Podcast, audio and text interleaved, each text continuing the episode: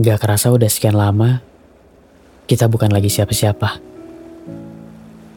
Dulu mungkin kita teman, lalu dekat menjadi sahabat, kemudian kita setuju untuk menjalin kisah di atas nama kekasih. Sekarang kita udah selesai dan aku kehilangan semua sosok darimu itu.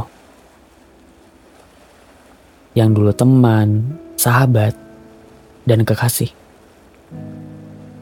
Atas janji mudah-mudahan kita nggak menjadi asing saat berpisah, sepertinya hari demi hari akan dilupakan juga. Dulu, malam yang kita lewati sama-sama tanpa kata aja, rasanya kayak duduk di kursi surga.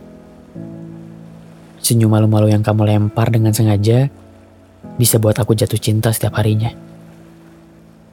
Tapi anehnya, ujung dari kisah Semarang ini gak begitu meninggalkan lara yang mendalam. Setelah hari perpisahan itu, aku mulai hari seperti biasanya.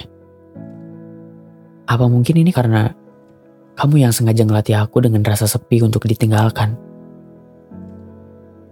Atau peran palsu kamu yang sengaja berbohong untuk buat hati ini ngerasa kosong?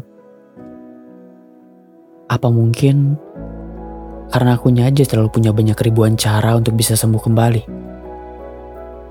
Maka saat di ujung diskusi waktu itu, aku gak minta kamu untuk bertahan lagi. Karena aku juga udah berada di perasaan yang sama kayak kamu. Sama-sama ingin pergi dan menyudahi.